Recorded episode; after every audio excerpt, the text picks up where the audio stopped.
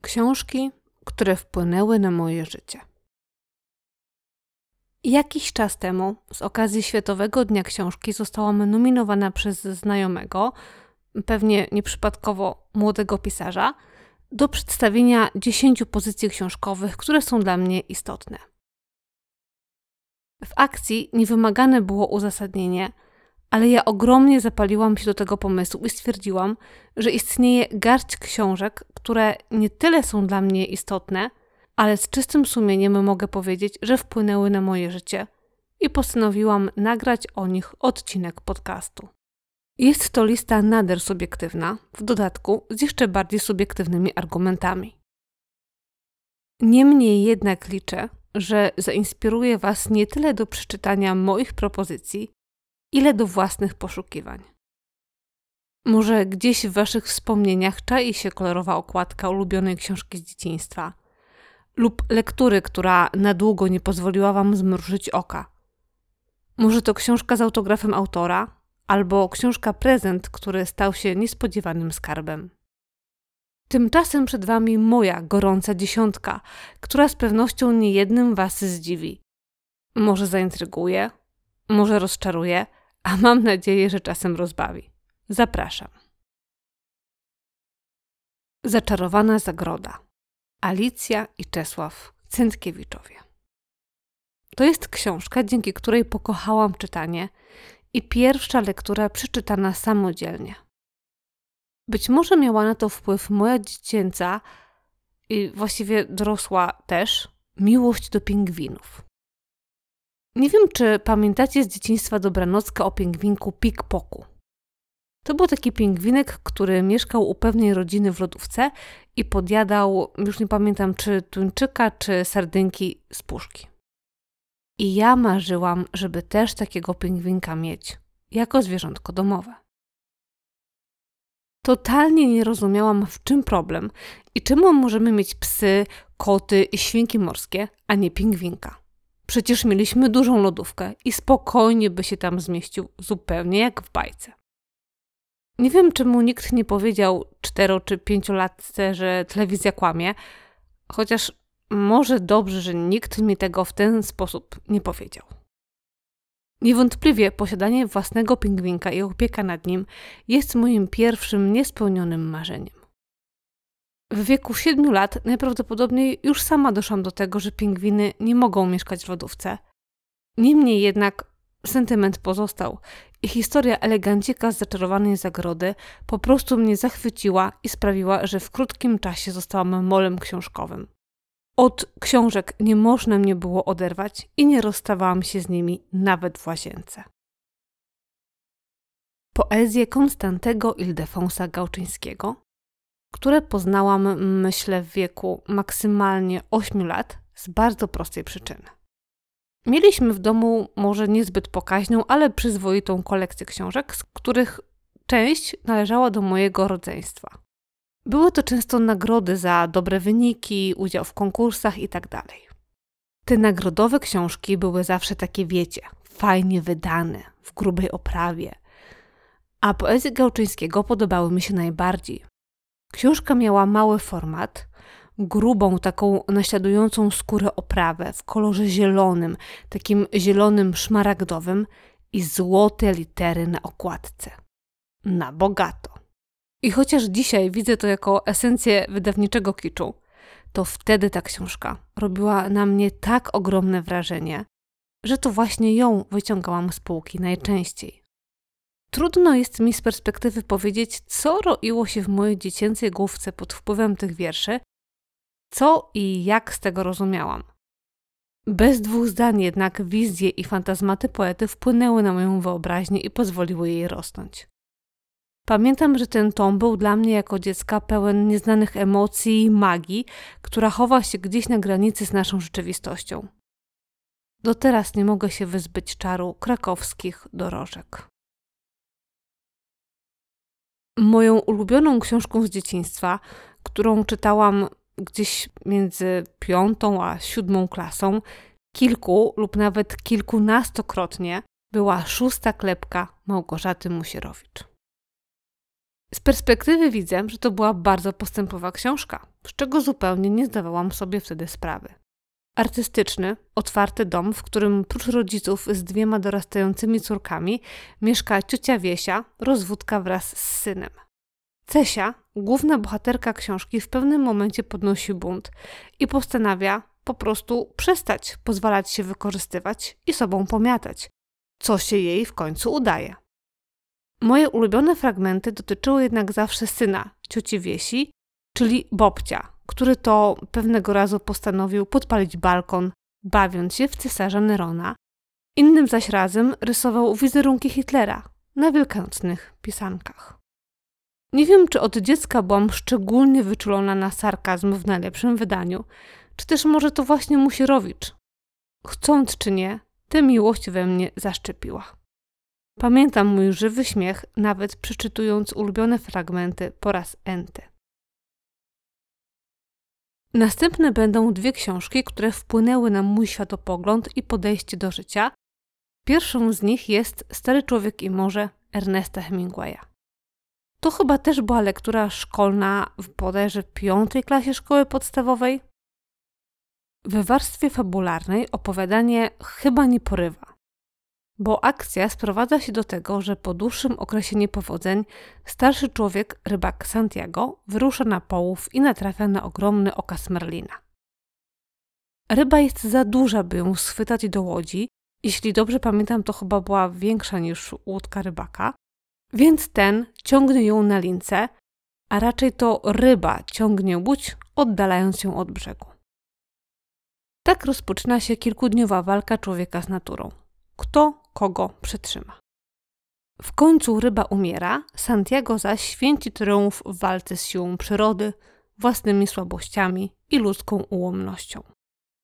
Chwała bohatera nie trwa jednak zbyt długo.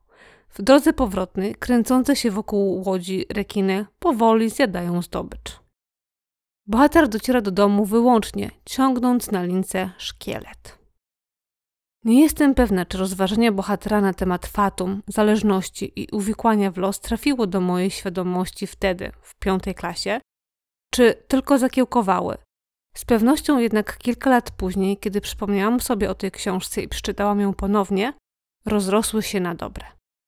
To, co z tej książki wyniosłam, to to, że niezależnie od okoliczności, tego czy nasz los jest w jakiś sposób zdeterminowany, powinniśmy, a nawet może więcej, jesteśmy w jakiś sposób zobligowani do walki z przeciwnościami i walki do końca, nawet jeśli nasza przegrana jest przesądzona. W moim odbiorze jest to przede wszystkim apologia indywidualnego heroizmu, a najbardziej znany cytat z tej książki: Człowiek nie jest stworzony do klęski, człowieka można zniszczyć, ale nie pokonać, wzmacnia przekonanie o pewnego rodzaju wielkości istoty ludzkiej i jej mocy sprawczej. Z lekcji Hemingwaya wyniosłam również przekonanie o konieczności uporu, determinacji, cierpienia i znoszenia wielu trudów oraz to, że nigdy nie można się poddawać. Z jednej strony są to piękne, niezwykle zacne wartości, o których na pewno warto rozmawiać. Z dzisiejszej perspektywy jednak odnoszę wrażenie, że ta lektura i ślad, który we mnie pozostawiła, przyniósł w moim życiu chyba więcej złego niż dobrego.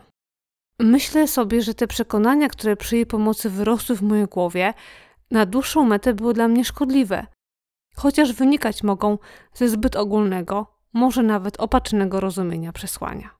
Czy na pewno zawsze należy znosić trudy i cierpienia? Czy niepoddawanie się i walka o coś za wszelką cenę to droga, którą zawsze należy wybierać? Dla mnie dzisiaj odpowiedź jest jednoznaczna i brzmi nie bo w takich przekonaniach nie ma miejsca na uczciwy bilans zysków i strat. A koszt tego znoszenia i walki ponosimy przecież głównie my sami. Jeśli sensem naszego życia uczynimy cierpienie i walkę, to jest duże ryzyko, że skończy się ono wcześniej niż byśmy tego chcieli. Nie ma tutaj także miejsca na ustalanie zdrowych granic i powiedzenie sobie: Nie muszę być bohaterem.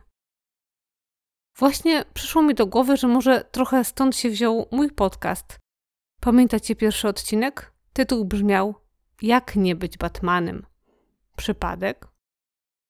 Nie wiem, czy słuchaliście też może już poprzedniego odcinka, ale chyba po części w ramach walki z podobnymi przekonaniami chciałabym przeprowadzić reformę edukacji i wprowadzić do szkół samotroskę oraz podobne przedmioty.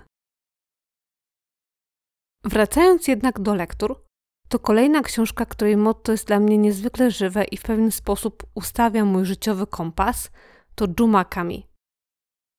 Nie wiem, czy to też była wasza lektura licealna. Ja w każdym razie przeczytałam ją chyba w trzeciej klasie, a potem jeszcze co najmniej kilka razy w trakcie swojego dotychczasowego życia, ostatnio w zeszłym roku.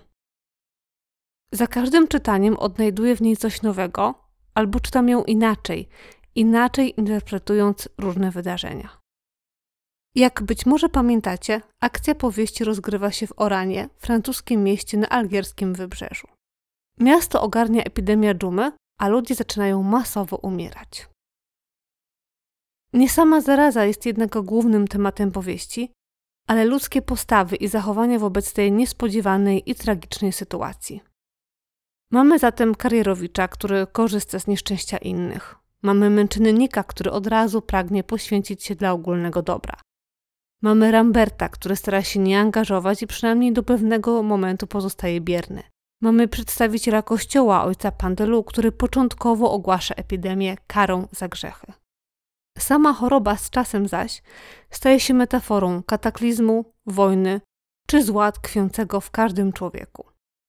Główny bohater, dr Rie, zachwyca mnie swoim stoicyzmem wobec tego, co się dzieje. Być może dlatego, że to postawa zwykle bardzo daleka od mojej. Jako lekarz, powołany do walki z chorobą, tak naprawdę ma świadomość swojej bezsilności. Na niewiele mogą się zdać wszelkie jego starania wobec szalejącego bakcyla. Doktor Rie jednak każdego dnia wstaje i wykonuje swoją pracę najlepiej jak potrafi. To nie bohater rewolucjonista porywający się na coraz śmielsze czyny. To cichy, codzienny bohater, który po prostu robi to, co do niego należy i oddaje się swojemu powołaniu. Dżuma jest jeszcze dla mnie przede wszystkim ostrzeżeniem.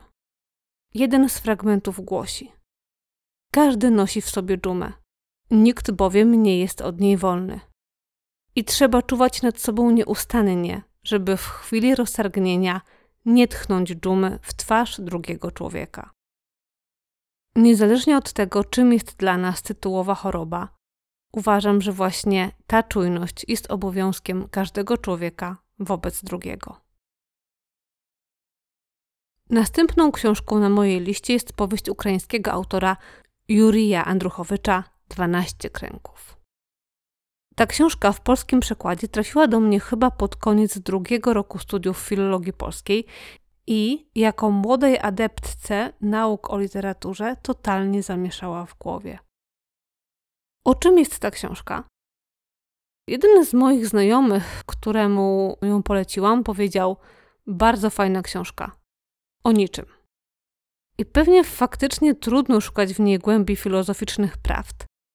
Ale jeśli weźmiecie prosty przepis z książki, czyli zdanie: Wszystko, czego sobie życzymy, o czym myślimy i czego się spodziewamy, z pewnością się nam przydarzy. Sęk w tym, że zawsze za późno i zawsze jakoś inaczej, to fabuła. Fabuła, kochani, jest popisowa. W świecie, w którym baśń i poezja w groteskowy sposób miesza się z ukraińską rzeczywistością, jest miejsce na wszystko bohaterów z przeszłości i przyszłości, kryminał, romans, sentyment do Franciszka Józefa, hutulszczyznę, kulisy powstania pewnego teledysku, tajemniczy górski pensjonat, bogaty repertuar środków wyskokowych i alternatywny życiorys jednego z ukraińskich poetów lat dwudziestych, Bogdana Ichora Antonycza. Do tego wszystkiego wyszukane gry słowne, głęboka intertekstualność i humor. Wyborna zabawa dla wielbicieli gatunku.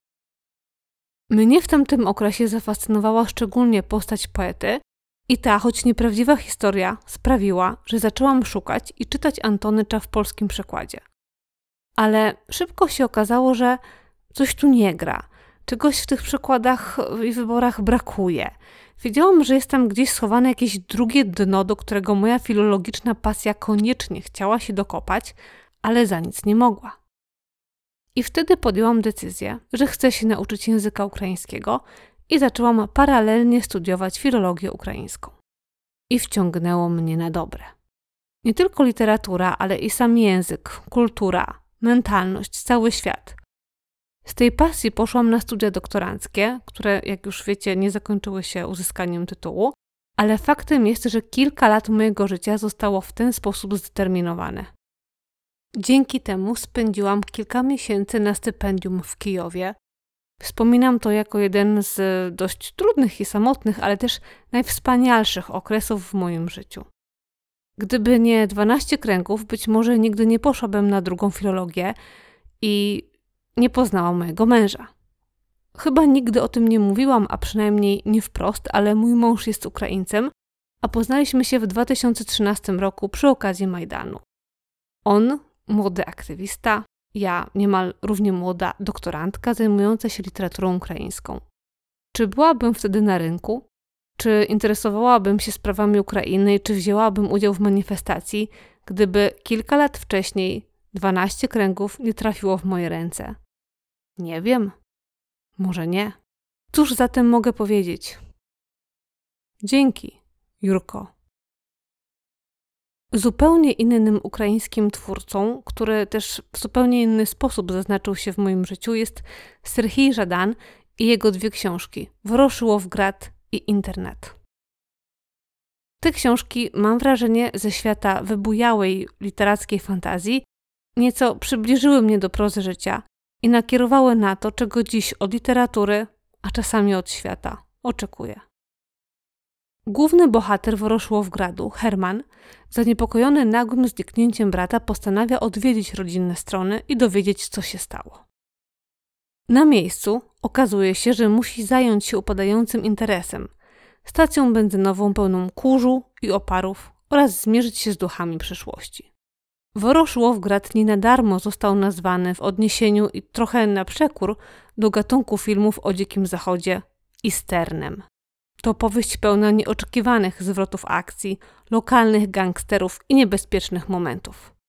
To historia miasta, którego już nie ma, chociaż nadal istnieje. I bohatera, który postanawia dorosnąć, chociaż dawno już nie jest nastolatkiem. Dla mnie to powieść o rodzącej się odpowiedzialności za to, co mamy i skąd jesteśmy, o przynależności do konkretnego czasu i przestrzeni, mówiąca też, że to, od czego być może najbardziej staramy się uciec, jest kluczowym elementem naszej tożsamości. Internat z kolei to książka całkiem niedawna, wydana w 2017 roku i jakoś wtedy ją chyba przeczytałam, Wiem, że polski przekład wyszedł nieco później, bo w 2019. Fabuła wydaje się banalnie prosta. Pasza, nauczyciel po trzydziestce, typ wiecznie niezdecydowany, niechętny i mrukliwy, decyduje się odebrać z internatu swojego siostrzeńca i przywieźć go do rodzinnego domu. Nie sprawiałoby to wrażenia szczególnie trudnego i wymagającego zadania, gdyby nie to, że akurat trwa wojna. Internat to fikcja literacka, która to, co się dzieje i jak się dzieje w Donbasie, oddaje lepiej niż niejeden, nawet wybitny reportaż. Niesamowita moc słów i brak wszelkich ozdobników buduje klimat strachu, grozy i niezrozumienia. Krótkie, sugestywne zdania kleją świat niczym z fotograficznych wycinków. Styczniowy poranek. Długi i nieruchomy, jak kolejka w przychodni. Poranny chłód kuchni, grafitowa ciemność za oknem. I dalej. Szósta rano, styczeń, poniedziałek. Jeszcze jeden dzień bez pracy. Z pewnością nie jest to pozycja dla każdego. Na mnie pozostawiła wrażenie, z którego nie otrząsnęłam się do dziś i wyznaczyła dla mnie szczyty prozatorskich możliwości. To z przeżyciami z tej książki porównuję swoje dzisiejsze lektury. Ostatnie dwie książki na mojej liście to książki popularno-naukowe, czy może bardziej poradnikowo-psychologiczne. Pierwsza z nich to Pokochaj siebie Wayne Dyera, którą przeczytałam, myślę, jakieś 10 lat temu, jakoś pod koniec moich studiów z polecenia znajomej. Nie jestem fanką i już raczej nigdy nie zostanę fanką amerykańskich poradników z cyklu Jak być szczęśliwym i osiągnąć sukces – i przyznam, że próbowałam przygody z inną pozycją tego autora, kieruj swoim życiem, I ta z kolei w ogóle mnie nie przekonała, nawet jej chyba nie doczytałam. Trudno mi wyjaśnić, dlaczego pokochaj siebie mimo wszystko do mnie przemówiło. Może obie, ja i książka, znalazłyśmy siebie w odpowiednim punkcie życia, we właściwym czasie i miejscu. Być może wtedy dla mnie było odkryciem, że niektóre nasze negatywne przekonania i zachowania wybieramy tak, jakbyśmy nie dostrzegali innych opcji i czasem faktycznie ich nie widzimy, a czasem po prostu działamy z przyzwyczajenia. Przed tą lekturą nie brałam też pod uwagę, że myślenie typu jestem beznadziejny, nic mi nie wychodzi, nie umiem, nie naddaje się, jest dla nas łatwiejsze i wygodniejsze niż weryfikacja i zmiana pewnych przekonań. Łatwiejsze, bo jesteśmy do tych przekonań przyrośnięci i nie musimy się zastanawiać, i wygodniejsze, bo skoro nie umiemy i się nie naddajemy, to nie musimy próbować ani w ogóle nic robić. Wayne Dyer bezwzględnie demaskuje pewne pułapki, schematy i przekonania, w które wpadamy i które zostały nam wtłoczone za pomocą wychowania w domu i różnego rodzaju instytucji. To jest też książka, która pokazuje, że jesteśmy odpowiedzialni za nasze życie, za nasze wybory i za nasze samopoczucie. Skłania właśnie do brania życia w swoje ręce.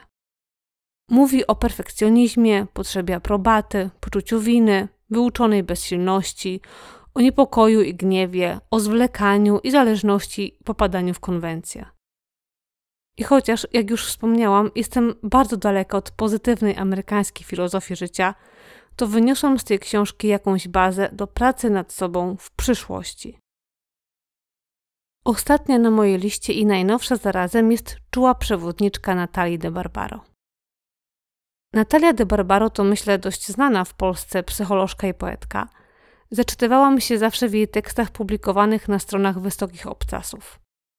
Dawała do myślenia, a jej diagnozy rzeczywistości na ogół pokrywały się z moimi własnymi przemyśleniami. Najpierw obejrzałam jednak wywiad Magdy Mołek na jej kanale na YouTubie, prowadzony właśnie z autorką książki. I wywiad ten rozbawił mnie, wzruszył i poruszył na tyle, że od razu zamówiłam książkę do domu. I nie rozczarowałam się. Dla mnie to strzał w dziesiątkę, choć rozumiem, dlaczego może się nie podobać. Nie każdemu odpowiada taki styl. Specyficzna duchowość, nasycenie cytatami ze świata sztuki lub odwołania do literatury fachowej. Dla mnie jednak każdy z tych elementów wydaje się idealnie trafiony. W trakcie czytania przychodziły mi do głowy te same teksty piosenek, ci sami bohaterowie. I jestem pewna, że zdecydowana większość kobiet w Polsce na kartach tej pozycji odnajdzie siebie. De Barbaro wyróżnia trzy typy, jak sama nazywa, stany, w których kobieta najczęściej się znajduje, pewnego rodzaju schematy zachowań czy role, w które wchodzimy. Jest to potulna, męczennica i królowa śniegu. W dużym skrócie i uproszczeniu, potulna to ta zawsze siadająca ostatnia i na boku, ustępująca i podporządkowana. Męczennica poświęca się dla innych i całego świata, chociaż nikt o to nie prosi.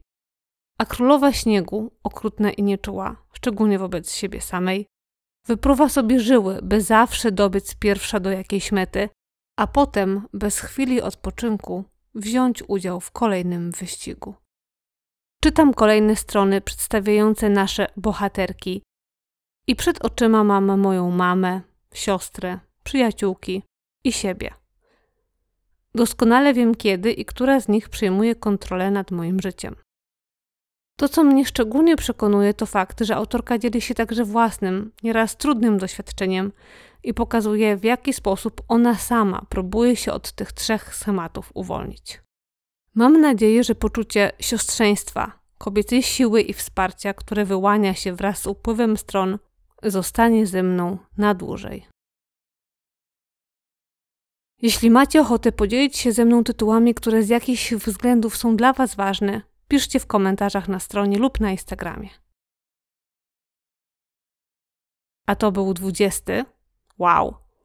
Odcinek podcastu Nie do powiedzenia, nie do pomyślenia. Książki, które wpłynęły na moje życie.